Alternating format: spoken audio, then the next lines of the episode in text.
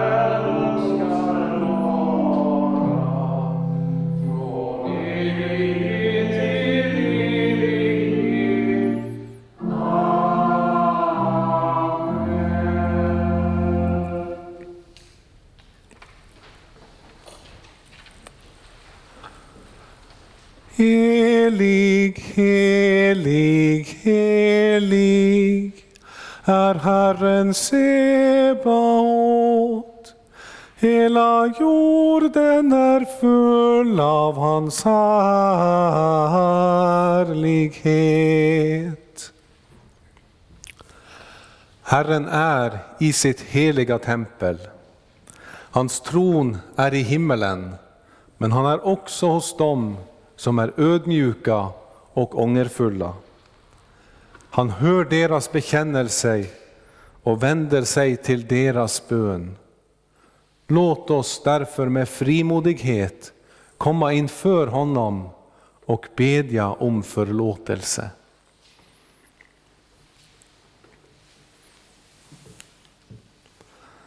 Jag, fattig, syndig människa, bekänner inför dig, helige och rättfärdige Gud, att jag som är född med synd på många sätt har brutit emot dig. Jag har inte älskat dig över allting och inte min nästa som mig själv. Mot dig och dina bud har jag syndat med tankar, ord och gärningar. Jag är värd att förkastas från ditt ansikte om du skulle döma mig som mina synder har förtjänat. Men du, käre himmelske Fader, har lovat att med mildhet och nåd ta emot alla som vänder sig till dig. Du förlåter dem allt vad de har brutit och försummat och tänker inte mer på deras synder. Detta litar jag på när jag nu ber dig om förlåtelse för min frälsares Jesu Kristi skull.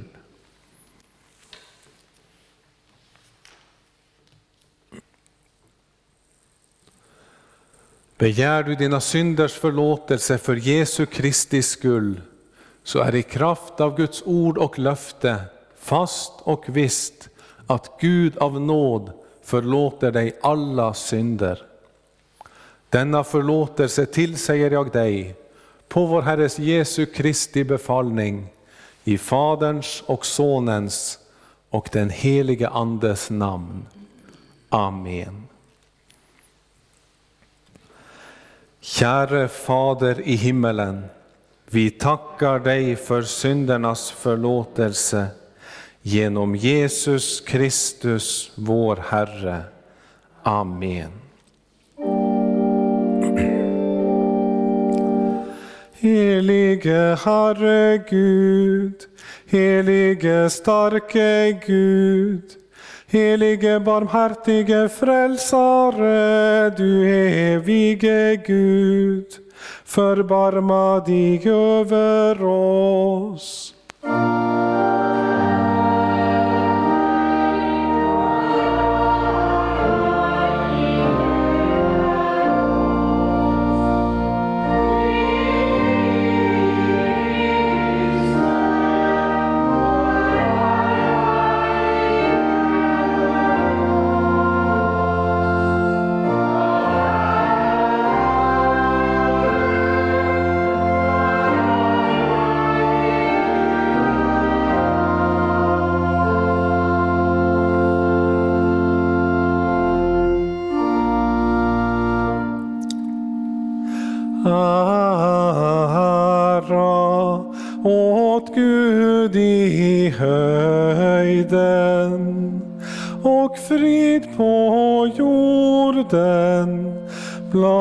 Människor som han älskar.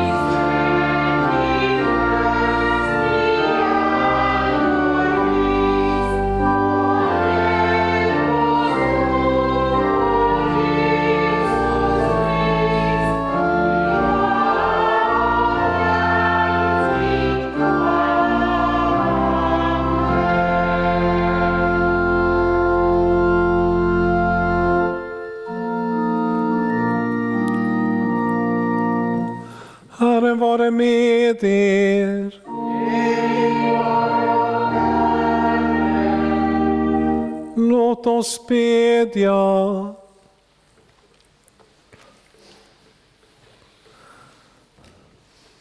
O Gud, du som denna dag med din helige Ande upplyst dina trognas hjärtan. Ge oss nåd att besinna vad som är rätt, så att vi får glädje av hans tröst. Genom din son Jesus Kristus, vår Herre, som, som med dig och den helige Ande lever och regerar i en gudom från evighet till evighet. Amen. Hör Herrens ord på pingstdagen, den första årgångens läsningar. Dagens gammaltestamentliga läsningar hämtade från profeten Jeremia i det 31 kapitel, från det 31 versen. Se, dagar ska komma, säger Herren, då jag ska sluta ett nytt förbund med Israels hus och med Judas hus. Inte ett sådant förbund som det jag slöt med deras fäder på den dag då jag tog dem vid handen för att föra dem ut ur Egyptens land, det förbund med mig som de bröt, fast än jag var deras rätte herre, säger Herren. Nej, detta är det förbund som jag ska sluta med Israels hus i kommande dagar, säger Herren. Jag ska lägga min lag i deras bröst och i deras hjärtan ska jag skriva den. Och jag skall vara deras Gud och det ska vara mitt folk. Då skall de inte mer behöva undervisa varandra, inte den ene brodern den andra och säga lär känna Herren. Ty de ska alla känna mig, från den minste bland dem till den störste, säger Herren. Ty jag ska förlåta deras missgärning och deras synd ska jag inte mer komma ihåg. Så lyder Herrens ord. Gud, vi tackar dig.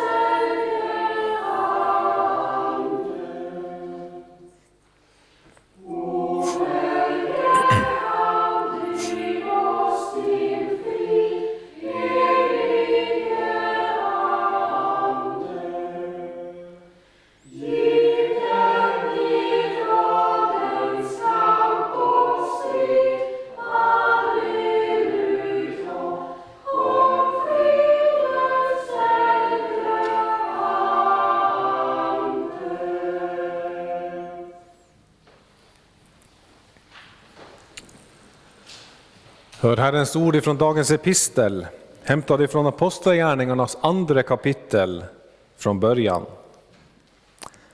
När pingstdagen kom var alla apostlarna församlade. Då hördes plötsligt från himlen ett dån som av en stormvind, och det fyllde hela huset där de satt.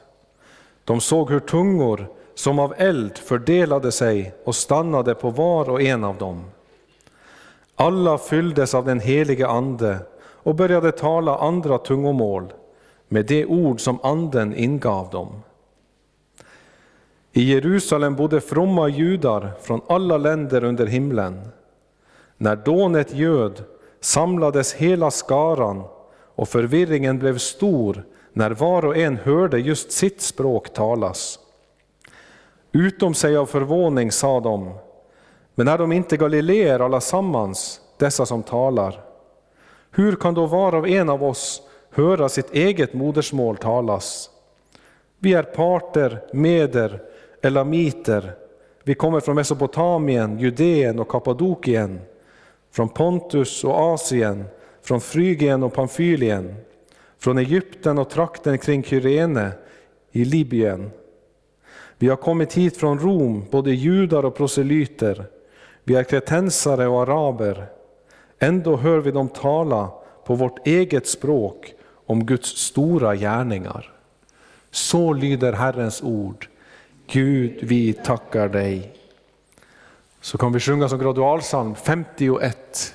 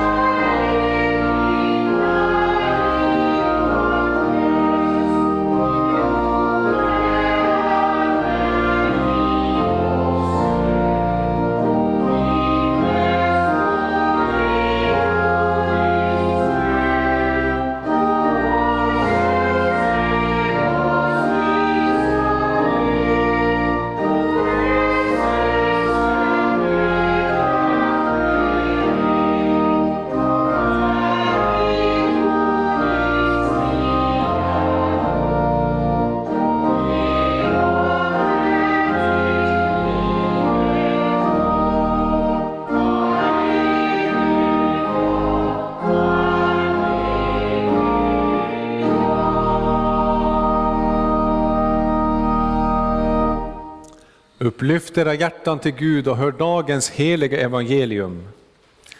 Så skriver evangelisten Johannes i det fjortonde kapitel från vers 23. Jesus sade, om någon älskar mig bevarar han mitt ord, och min fader ska älska honom, och vi ska komma till honom och stanna hos honom. Den som inte älskar mig bevarar inte mina ord. Men ordet som ni har hört kommer inte från mig, utan från Fadern som har sänt mig. Detta har jag sagt er medan jag är kvar hos er. Men Hjälparen, den helige Ande, som Fadern ska sända i mitt namn, han ska lära er allt och påminna er om allt som jag har sagt er. Frid lämnar jag kvar åt er, min frid ger jag er. Jag ger er inte det som världen ger. Känn ingen oro och tappa inte modet. Ni hörde att jag sade till er, jag går bort och kommer till er igen. Om ni älskade mig skulle ni vara glada över att jag går till Fadern, ty Fadern är större än jag. Detta säger jag er innan det sker, för att ni ska tro det när det har skett. Så lyder det heliga evangeliet. Lovat vare du, Kristus. Låt oss tillsammans bekänna vår heliga kristna tro. Vi tror på Gud Fader allsmäktig, himmelens och jordens skapare. Vi tror och på Jesus Kristus, hans enfödde Son, vår Herre, vilken är avlat av den helige Ande, född av jungfrun Maria, pinad under Pontius Pilatus, korsfäst, död och begraven, nederstigen till dödsriket, på tredje dagen uppstånden igen ifrån de döda, uppstigen till himmelen, sittande på allsmäktig Gud Faders högra sida, därifrån igenkommande till att döma levande och döda. Vi tror och på den helige Ande, en helig allmännelig kyrka, det heligas samfund, syndernas förlåtelse, det dödas uppståndelse och ett evigt liv. Amen. Så sjunger vi innan predikan 365.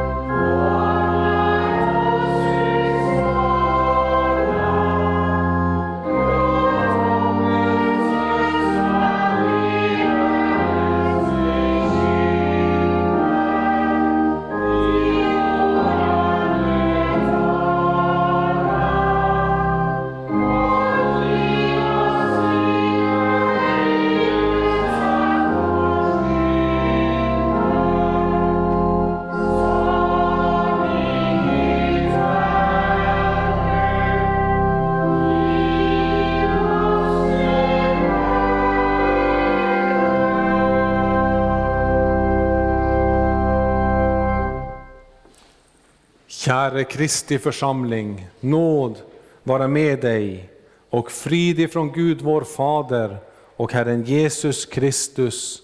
Amen. Låt oss bedja.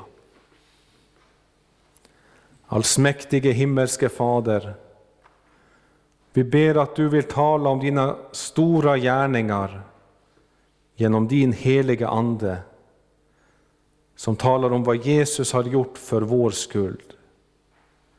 Låt Anden lägga dessa ord in i våra hjärtan, så att det får bära frukt till evigt liv. Genom Jesus Kristus, vår Herre. Amen. Innan jag börjar på min predikan så ska jag säga några korta ord till de som är lite mindre och som följer med på skärmarna där hemma. Idag på pingstdagen, för att förstå vad det är som händer idag, så kan vi tänka efter om vi någon gång har varit i ett land där de talar ett språk som vi inte förstår. Eller om vi har mött på någon i Sverige som inte förstår svenska och som vi inte kan samtala med därför att vi inte förstår varandra. Så var det efter att Babels torn blev avslutat, eller efter att Gud hindrade slutföringen på Babels torn. För innan Babels torn, som ni kanske känner igen från Bibeln, så talade alla folk på jorden ett och samma språk. Alla förstod de vad de andra sa. Och man kunde samtala med alla över hela jorden. Men efter, eftersom deras hjärtan var onda och de syndade mot Gud, så byggde de Babels torn. För de ville inte att, vänta på att Gud skulle komma ner till dem, utan de ville klättra upp till Gud. Och det är synd. Men, och då blev Gud vred, han blev arg på dem. Och då förvirrade han deras språk så att plötsligt förstod de inte längre vad de sa till varandra. Och det gjorde att de som kunde förstå varandra, de samlades ju samman, för det var de enda de kunde tala med. Och andra som talade ett annat språk, de samlades tillsammans med sig. Och sen spridde de sig ut över jorden. Ja, detta skedde på grund av deras synd. Men pingstdagens händelser, då får vi höra att apostlarna så fick som tungor liksom av eld över sina huvuden. Och när de talade genom den helige Ande så förstod alla vad de sa, oavsett vilket språk de talade. Och det är ett tecken, det visar oss att istället för att Gud sprider folken runt över hela jorden, så som han gjorde efter Babels torn på grund av deras synder, så börjar han nu att samla sig ett folk från jordens alla länder. Och det gör han därför att Jesus Kristus har betalt för våra synder när han dog på korset. Och när han uppstod och for upp till himlen så kunde han sända sin heliga ande till oss. Ja, då kunde Gud börja att åter samla folk till sig. Och det försöker han fortsatt på med, för den heliga Ande har inte åkt upp till himlen igen, utan han finns här på jorden och vill att ordet om Jesus ska förkunnas på alla språk, så att så många som möjligt kan bli hans barn. Ja, det är detta som vi läser om idag och ska tala om angående pingstdagen. Om att Gud istället för att sprida folken så försöker han samla åt sig ett folk. Ja, idag på pingstdagen så får vi höra både att Jesus berättar för sina lärjungar att han ska sända sin helige ande och vi får höra vad som sker när anden kommer. I dagens predikan ska vi först vandra genom episteltexten om pingstdagens händelser Därefter ska vi tala om Joels profetia, som Petrus säger talar just om pingstdagens händelser. Och till sist ska vi höra om det konungsliga prästerskap som är en följd av och nära kopplat till pingstdagen. Vi kan alltså samla dagens predikan under tre punkter. Pingstdagens händelser, pingstdagen och Joels profetia och pingstdagen och det konungsliga prästerskap.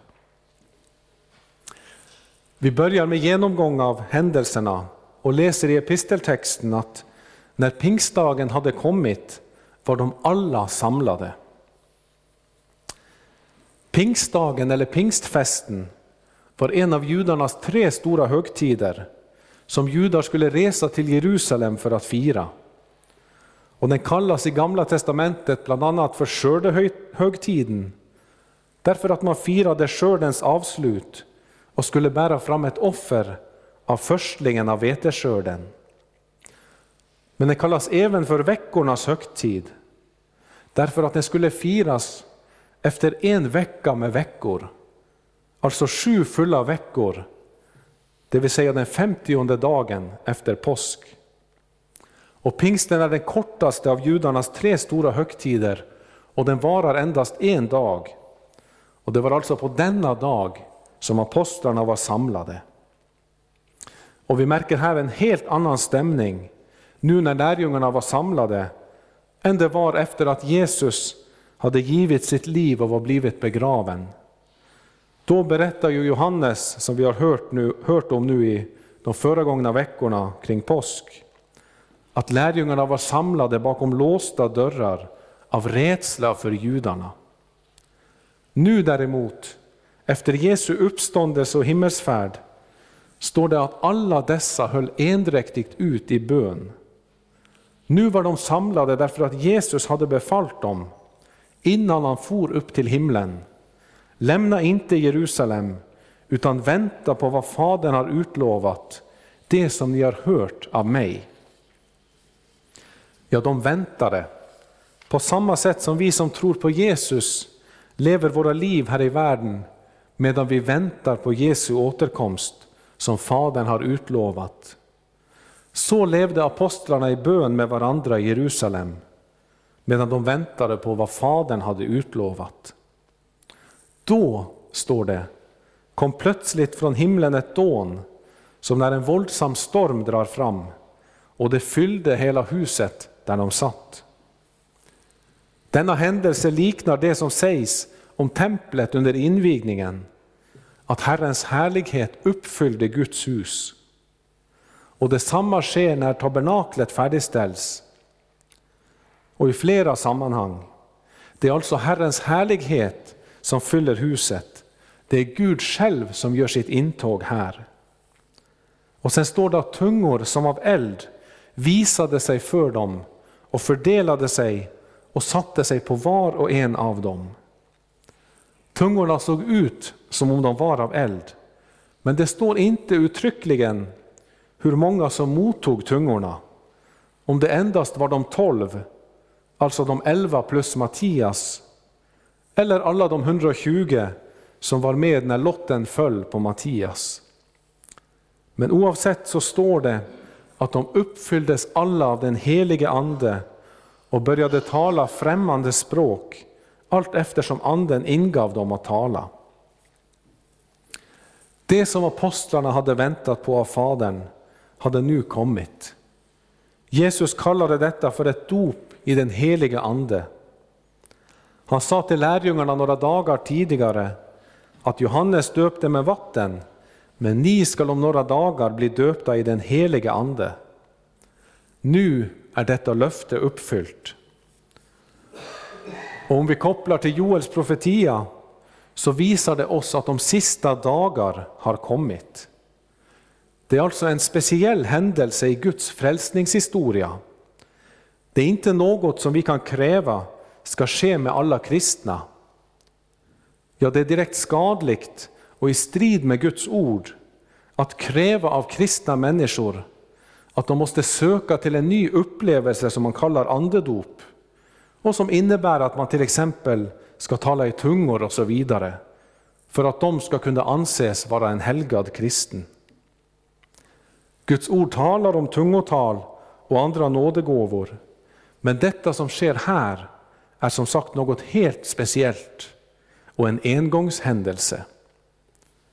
För saken är att vi som lever efter Babels torns tid, vi har alla språkliga barriärer som gör att vi inte kan förstå främmande språk. Och detta är frukten av det straff som Gud spridde människorna genom på Babels tid. Men nu löser här den heliga Ande på ett övernaturligt sätt språkbarriären så att alla förstår vad som sägs. Och det är ett tecken på att Gud åter börjar samla sig ett folk av alla folkslag, stammar, länder och språk. Liksom han i det gamla testamentet utvalde Israel. I det gamla förbundet. Och för att göra detta så måste anden inte enbart lösa språkbarriären utan han måste även lösa frälsningsbarriären som finns i alla människor. Och den heliga Ande vill lösa den. Han vill samla in folken från jordens yttersta gränser. Han vill inte att vi ska gå förlorade, utan han vill verkligen frälsa oss. Men eftersom vi av naturen är vredens barn, som föds med motstånd emot Gud, så vill vi inte av naturen tillhöra Gud, utan vi är fientligt inställda emot honom. Och därför är också allt som vi gör medan vi är hans fiender synd. För det springer ut ur ett syndigt hjärta och det ställer oss i skuld till Gud och under hans dom. Och eftersom vi har denna fientliga inställning och inte vill ha gemenskap med Gud, så kan vi heller aldrig frälsa oss själva. Och Det som behövs är därför att Gud griper in, att han skapar tro på sig i oss genom sitt ord. Och det gör han genom att den heliga Ande talar till oss som Guds son. Som evangelietexten säger, Hjälparen den helige Ande som Fadern ska sända i mitt namn, han ska lära er allt och påminna er om allt vad jag har sagt er. Ja, han lär och påminner oss om Jesu ord, att Gud har utsänt sin son för att frälsa det som var förtappat. Bara när vi inser detta kan han skapa en längtan efter att bli räddade från allt det onda som vi är i oss själva. En längtan efter att vilja ha gemenskap med honom. Men då måste han visa oss vem vi verkligen är. Han måste visa att vi har förkastat honom och att vi inte är öppna för vad han vill lära oss. Ja, han vill helt enkelt frälsa oss från oss själva för att vara evigt tillsammans med oss. Och för att göra detta så måste Gud skapa ett nytt hjärta i oss som vill det som Gud vill. Så som den gammaltestamentliga läsningen säger att jag ska lägga min lag i deras inre och skriva den i deras hjärtan. Allt för att som Jesus säger, om någon älskar mig håller han fast vid mitt ord och min fader ska älska honom och vi ska komma till honom och ta vår boning hos honom. Ja, bara då kan vi se på oss själva och på världen med Guds egna ögon. Men som sagt, Gud måste, så som han gjorde med språkbarriären på pingstdagen, bryta ner våra barriärer som vi har ställt upp emot honom. Och det må han göra med sin ande. Och just detta som händer på pingstdagen är tecknet på att Gud, som förvirrade och spridde folket i Babel, nu har börjat samla tillbaka sitt folk. Eller för att säga det på ett bättre sätt, han har börjat att skapa ett folk åt sig. Nu ska Guds ord ljuda på alla språk, till alla människor. Och på samma tid är det också en smak av det himmelska. Det är nämligen en god förebild på hur det kommer bli på den nya jorden. Där ska alla syndens fläckar vara borta, även Babels förvirring. Då blir det som Uppenbarelseboken berättar. Därefter såg jag och se en stor skara som ingen kunde räkna, av alla folkslag och stammar och länder och språk. de stod inför tronen och inför Lammet, klädda i vita kläder och med palmblad i händerna. Och de ropade med hög röst, frälsningen tillhör vår Gud, honom som sitter på tronen och Lammet. De ropar alla samma sak och Johannes förstår vad alla säger. Också på pingstdagen ser vi detta, för texten fortsätter med att nu bodde i Jerusalem fromma judiska män från alla folk under himlen. Och när dånet hördes samlades folkskaran och alla blev mycket uppskakade eftersom var och en hörde sitt eget språk talas. Det står inte att lärjungarna talade var sitt främmande språk, utan att alla samman hörde sitt eget språk.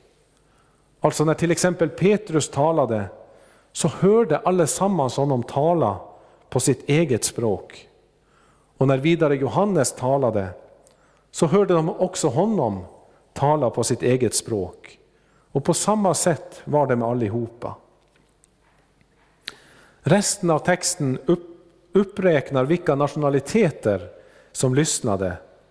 Och det berättas att de var häpna och förundrade därför att vi hör dem tala på vårt eget språk om Guds väldiga gärningar. Men vad är Guds väldiga gärningar? Detta som de talade om. Ja, det måste vara de stora ting som Gud har gjort i Kristus. Som evangelietexten säger om Anden, att det är Jesu ord han lär och påminner om. Detsamma Guds väldiga gärningar talar Petrus vidare utförligt om när de 3000 blir frälsta. Och Jesus från, om Jesus från Nasaret, en man som Gud bekände sig till genom kraftgärningar, under och tecken som Gud utförde genom honom. Han som efter Guds fastställda plan och beslut blev utlämnad och som alla människor har varit med på att döda genom sina synder. Om honom som blev spikat fast på korset och dödat, som Gud har uppväckt för människornas frälsnings skull genom att lösa honom ur dödens vånda, eftersom det inte var möjligt att han skulle behållas av döden. Dessa gärningar var det nog alla dessa folkslag hörde om på sina egna språk. Ja, vi har hört att pingstundet var något särskilt, alldeles särskilt i frälsningshistorien. Något som inte ska upprepas, utan som var starten på Guds spridning av evangeliet till alla folkslag. Nu ska vi i predikans andra del gå över till att tala om Joels profetia som här uppfylls. Petrus förklarar i sin pingstpredikan att det är detta som är sagt genom profeten Joel. Och det ska ske i de sista dagarna, säger Gud. Jag skall utgjuta min ande, av min ande över allt kött. Era söner och era döttrar ska profetera. Era unga män ska se syner och era gamla män ska ha drömmar. Ja, över mina tjänare och tjänarinnor ska jag i de dagarna utgjuta av min ande och de ska profetera. Och att det skall ske, att var och en som åkallar Herrens namn skall bli frälst. I de sista dagarna, säger Joel, skall Gud utgjuta av sin ande över alla människor. Och att få Guds ande, det är det största som kan ske med en människa. Då är hon frälst och kan med glädje vänta på vad Fadern har utlovat för evigheten, så som apostlarna väntade i bön. Detsamma gör vi när vi samlas till gudstjänst med andra kristna, ber tillsammans och på andra sätt. Ja, hela det kristna livet är egentligen en väntan på vår frälsares återkomst. Vidare säger Joel att allt kött ska få anden utgjutet över sig. Och Det vill säga att det är inget krav på att man måste vara särskilt smart, ha speciella begåvningar, vara rik, född i ett speciellt land eller släkt och så vidare för att få anden. Nej, anden utgjuts över alla som hör evangeliet om deras synders förlåtelse för Jesu Kristi skull och som inte förhärdar sig. Både kvinnor och män, unga och gamla. Så som Petrus säger, ty er gäller löftet och era barn och alla de som är långt borta, så många som Herren vår Gud kallar. Ja, tack vare Gud, det gäller också oss hedningar som bor här i Sverige. Är man en människa så är kravet uppfyllt för att löftet ska tillhöra oss. Vi som tror löftet, vi har på grund av våra synder varit avskilda från Gud och spridda runt i världen, såsom människorna efter Babels torn. Vi är alla skyldiga i att korsfästa Jesus. Det är våra synder som höll honom fast på korset. För genom sitt löfte så band Gud sig till att själv utgjuta sin ande över människor. Och det är bara möjligt om vi har en försoning för våra synder. Annars så skiljer synderna oss från Gud. Men då försoning är vunnen i vår Herre Kristi död och uppståndelse för våra synder, så kan Gud utgjuta sin ande över oss utan att gå emot sig själv. Det är som Jesus frågade Emmausvandrarna, måste inte Messias lida detta för att gå in i sin härlighet?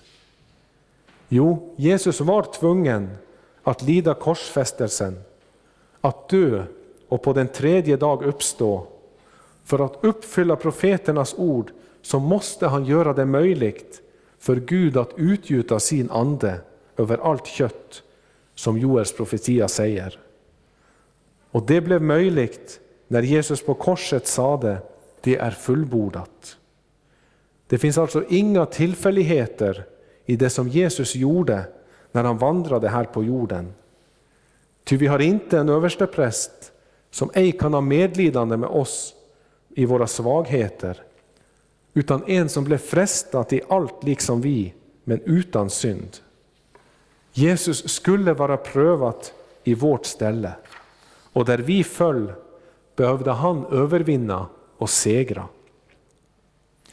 Ja, detta var som sagt nödvändigt för vår försoning och för att Gud skulle kunna utgjuta sin ande över allt kött, som Joel säger. En annan trösterik sak är att det var inte många dagar efter Kristi himmelfärd som Gud sände sin ande och uppfyller sitt löfte. Gud dryger alltså inte med att uppfylla sina löften, utan enbart tills det är möjligt för honom att uppfylla dem. Och när Jesus hade farit upp till himlen så gick det därför bara några dagar innan anden blev utgjuten. Och det är en tröst för oss i våra böner. För många gånger kan det verka för oss som att Gud inte svarar. Men det ska vi få vara säkra på, att så snart Gud kan svara på vår bön enligt sin vilja, så gör han det. Jesus säger det också klart och tydligt i förbindelse med liknelsen om den orättvisa domare. Skulle då inte Gud skaffa rätt åt sina utvalda som ropar till honom dag och natt, då han ju lyssnar tåligt till dem? Jo, för Gud är visserligen inte sen när det gäller att svara på bön. Han lyssnar på vår bön och svarar, men han vet om alla omständigheter. Och kanske är det saker som måste uppfyllas innan det som vi ber om kan ske. Och därför kan det verka för oss som att han dröjer. Men skulle det vara så att vi inte får det vi ber om i Jesu namn, så får vi något bättre till rätt tid. Joels, profetia talar alltså om pingstdagens händelser. Och nu i predikans sista del ska vi höra om det konungsliga prästerskap som också Joel talar om. I Joels profetia så blir det klart att i det gamla testamentets tid så var det endast de smorda som hade anden utgjuten över sig, så som Joel talar om det. Då var det endast profeterna som kunde förkunna Guds ord, prästerna som kunde offra och så vidare. Alla messiastroende hade ju självklart anden, för den som inte har Kristi ande tillhör inte honom. Så alla som trodde på Kristus i det gamla förbund och alla som gör det i det nya, de har anden. Men skillnaden som Joels profetia talar om är likväl att både kvinnor och män, trälar och trälkvinnor, i de dagarna ska tala profetiska ord. Alla kristna ska vara Guds profeter, Guds präster. Kristenfolket är nu ett missionsfolk. Och det vill i praktiken säga att tillsammans med våra nära och kära, våra vänner, medarbetare på arbetsplatsen och så vidare, så är vi präster för vår Gud. Detta som kallas det allmänneliga eller konungsliga prästerskap, det kan vi förklara med att alla kristna i dopet har fått allt han behöver för att vara både präst och påve. Dock har Gud ordnat det så att de män som ska förkunna Guds ord offentligt och utdela sakramenten, de ska väljas ut ur detta prästerskap. Då gäller det att vara rätteligen kallad. Som det heter, vi är alla präster, men vi är inte alla herdar. När det därför handlar om att vittna för sin nästa, eller att bära fram lovets och tackets offer inför Gud, så är vi alla präster. Alla kristna har anden så som präst, prästerna i, och profeterna i det gamla testamentet hade honom. Och därför säger också Paulus i Romarbrevet, så förmanar jag nu er bröder vid Guds barmhärtighet att frambära era kroppar som ett levande och heligt offer som behagar Gud, er andliga gudstjänst. Vårt kristna liv är alltså vår prästtjänst inför Gud. Och våra kristna liv är inte längre bundna till Jerusalem och offerkulten som fanns där, utan vi får gå direkt till Gud i bön om till exempel förlåtelse, som Jesus har lärt oss. Ja, vi får helt enkelt leva våra liv som präster åt Gud. Till sist ska vi sammanfatta vad vi har hört utifrån löftet som Joels profetia ger. Och det skall ske att var och en som åkallar Herrens namn skall bli frälst. Gud säger här att var och en som åkallar Herrens namn skall bli frälst. Vi har hört att Gud har ordnat det så att han kunde utgjuta sin ande och alltså frälsa alla människor. Vi har vidare hört att löftet gäller er och era barn, ja alla som bor långt borta och så vidare. Det vill säga att alla ni som lyssnar på idag, varenda en av er som åkallar Herrens namn skall bli frälst. Ja, Gud säger att var och en som åkallar Herrens namn ska bli frälst. Och att åkalla någon, det kan man göra när man är i nöd och behöver hjälp. När till exempel mina synder tynger mig, då kan jag åkalla någon. Och detta löfte visar att om du tyngs av dina missgärningar och åkallar Herrens namn för det, så skall du bli frälst.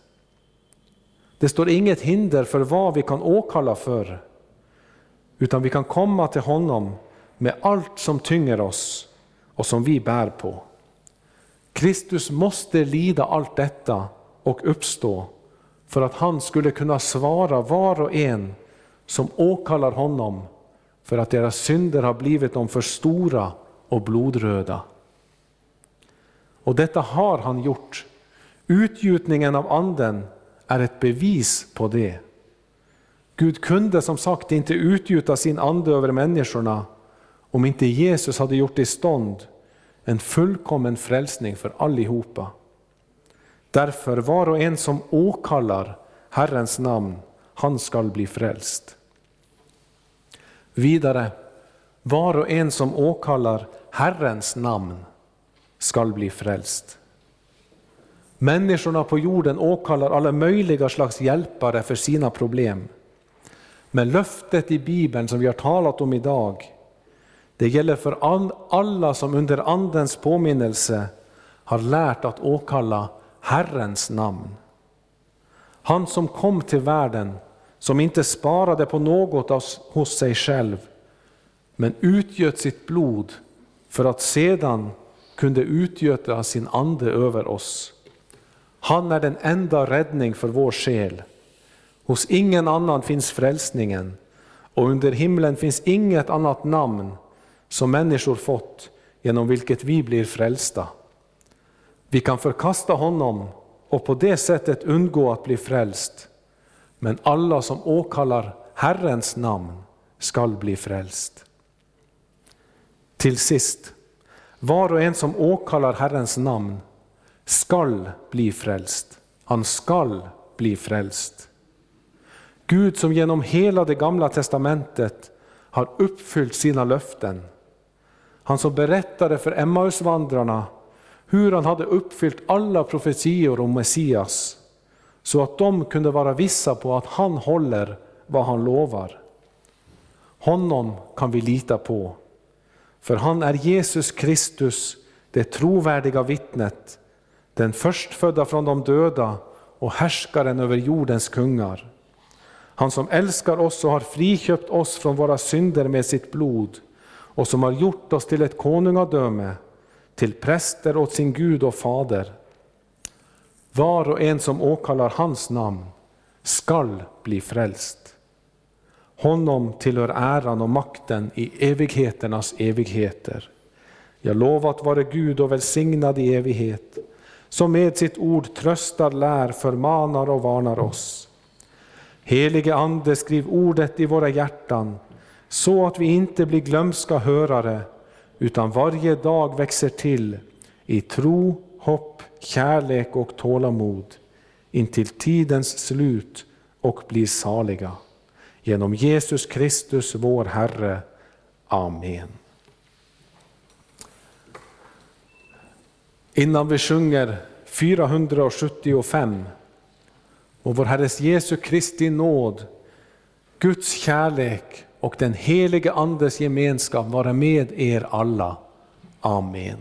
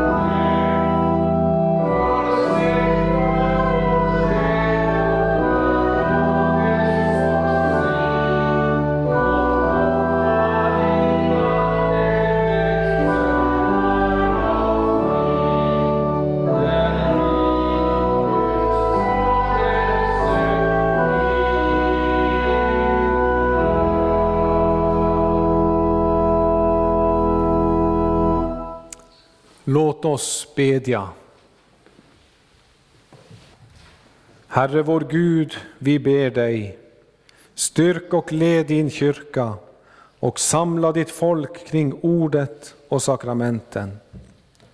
Låt ditt evangelium nå ut i hela världen och väcka levande tro. Ge dina vittnen kraft när de får lida för din skull. Skydda vårt land och ge vishet åt dem som har fått förtroende och ansvar i vårt samhälle. Ge dem att fatta rätta och visa beslut till gagn för folket. Välsigna vårt arbete, ge världen fred och låt det onda hindras och din vilja ske. Ge oss dagligt bröd och stärk vår vilja att dela med oss åt dem som lider nöd. Låt våra hem präglas av sammanhållning, trygghet och kristen tro. Gör vår församling till ett hem dit människor kommer för att höra ditt heliga ord, bedja om din hjälp och tacka för din godhet och kärlek. Jag kom, Herre, till de sjuka, sörjande och ensamma. Särskilt nämner vi dem som på grund av under denna coronatid har blivit sjuka, sörjande och ensamma. Och vi ber för barnet i moderlivet. Vi ber om din räddning. Och vi vet att nu finns det runt i världen flera kamper om lagstiftningen på detta området. Kom du med din hjälp och verka enligt din vilja. Herre, vi ber också för att få samlas flera tillsammans under gudstjänster. Vi har inte förtjänat att få samlas kring ditt ord tillsammans med våra bröder och systrar. Men vi ber att du av nåd vill låta det bli så. Sänd oss till dem som behöver vår omtanke och vårt stöd. Följ oss hela livet med din nåd. Gör oss fasta i tron och låt oss till sist komma hem till din eviga glädje. Genom Jesus Kristus, din Son, vår Herre. Amen. Fader vår som är i himmelen. Helgat var det ditt namn. Tillkomme ditt rike. Ske din vilja så som i himmelen, så och på jorden. Vårt dagliga bröd giv oss idag och förlåt oss våra skulder så som och vi förlåta dem oss skyldiga äro. Och inled oss icke i frestelse utan fräls oss ifrån ondo. Ty riket är ditt och makten och härligheten i evighet. Amen.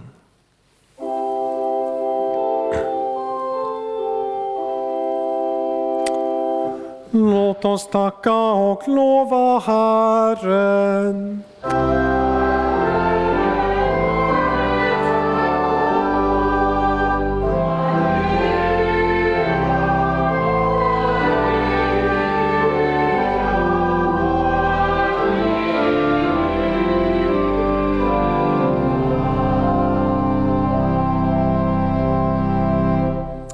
Tag emot Herrens välsignelse. Herren välsigne er och bevare er. Herren låte sitt ansikte lysa över er och var er nådig. Herren vände sitt ansikte till er och give er frid. I Faderns och Sonens och den helige Andes namn.